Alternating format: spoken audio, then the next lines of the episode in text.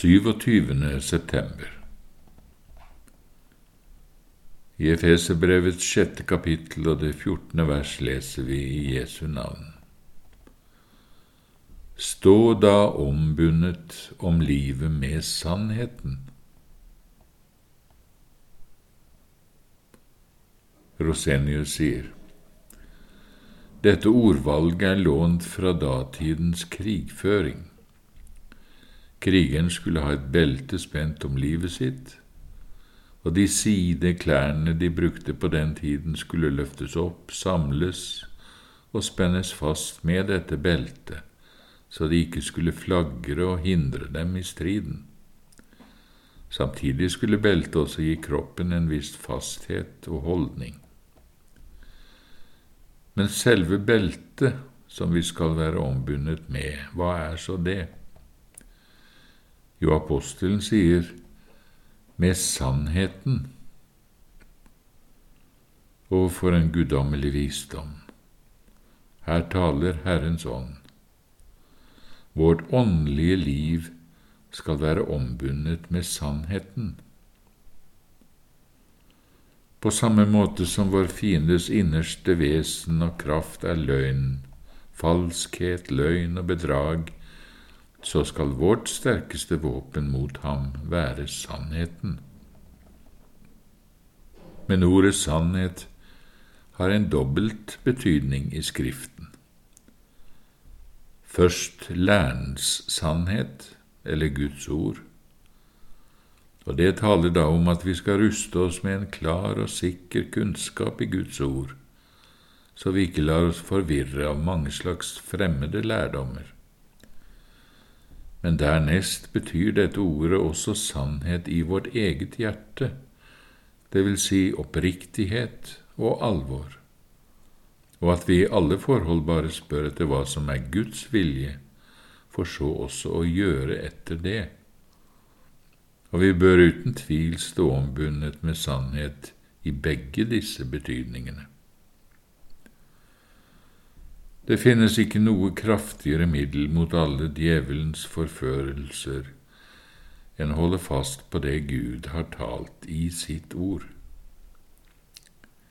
På samme måte som krigens klær skulle holdes samlet av krigsbeltet, så det ikke skulle flagre alle veier, slik skal våre tanker, som ofte flagrer både hit og dit, strammes hardt sammen av sannheten, så vi alltid møter en fristen med dette har Gud sagt i sitt ord. Og himmel og jord skal forgå, men mine ord skal aldri forgå, sier Jesus. Det Gud selv har talt, det står urokkelig fast, og det vil jeg tro på. Og for en salig trygghet å få binde om seg med Guds egen sannhet. Og dette er det første og det viktigste hvis vi skal kunne stå fast i prøvelsens time. Men hva hjelper det med all mulig fasthet i læren hvis Guds ånd ikke har fått skapt det rette alvoret i hjertet, så vi bare ønsker å få vite hva det er Gud vil i hvert enkelt sak, for så å gjøre etter det. Hva hjelper krigens våpen hvis det ikke finnes liv og kraft i legemet hans? Da faller jo sverd av seg selv ut av hånden hans. På samme måte glir ordets sannhet ut av seg selv hvis vi ikke beholder den sannheten og oppriktigheten Gud har virket i hjertet vårt. Hvert eneste menneskes hjerte er av naturen fullt av hykleri og falskhet. Hvert menneske er en løgner, sier Skriften. Det er bare gjennom den nye fødselen Herrens ånd skaper dette hellige alvoret i hjertet vårt, som gjør at vi sier, Jeg må vite hva som er Guds vilje, hvordan Han vil ha det, koste hva det koste vil, ja, om det så skal koste meg livet. Hans vilje skal være min rettesnor. Da vil jeg ta inn over meg alt Guds ord. Da velger jeg meg ikke ut bare enkelte gjerninger og oppfatninger.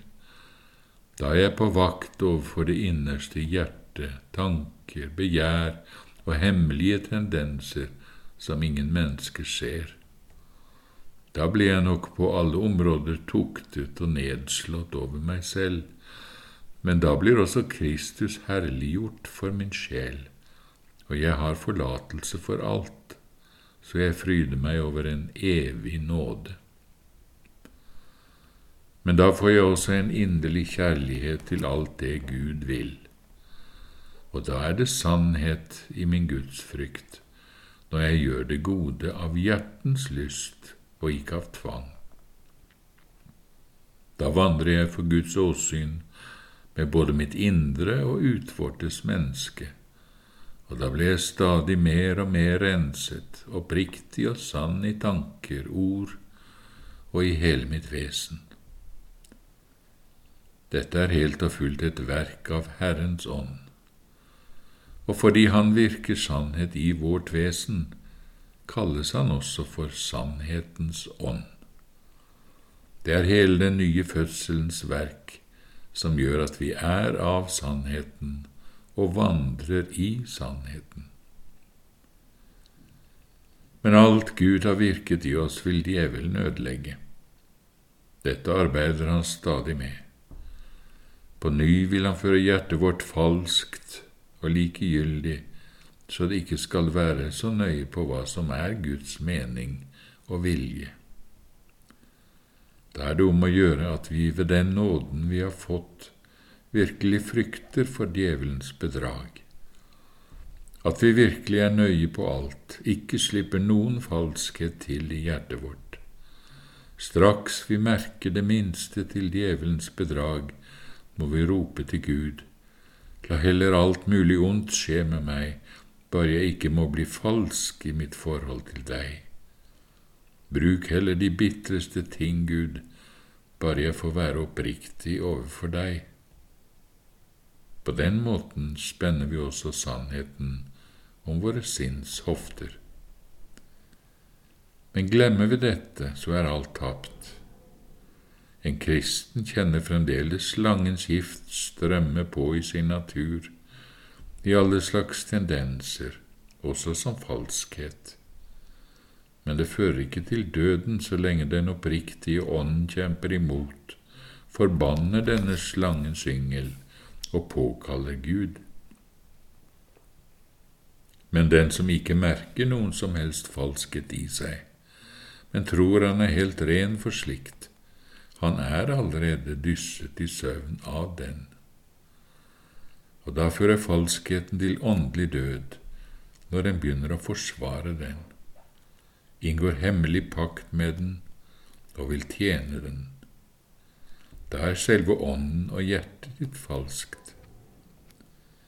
En slik kristen kan ikke kjempe åndens kamp, om det så bare er i en enkelt sak. Når han vet med seg selv at han unnskylder falskheten, så står han maktesløs, er ikke åpen for Gud, blir feig i striden og ustadig i vandringen. Men der oppriktighet har råderetten i hjertet, kan djevelen ingenting utrette. For alle fristelser til synd fører der bare til et sterkere bønneliv og Guds frykt.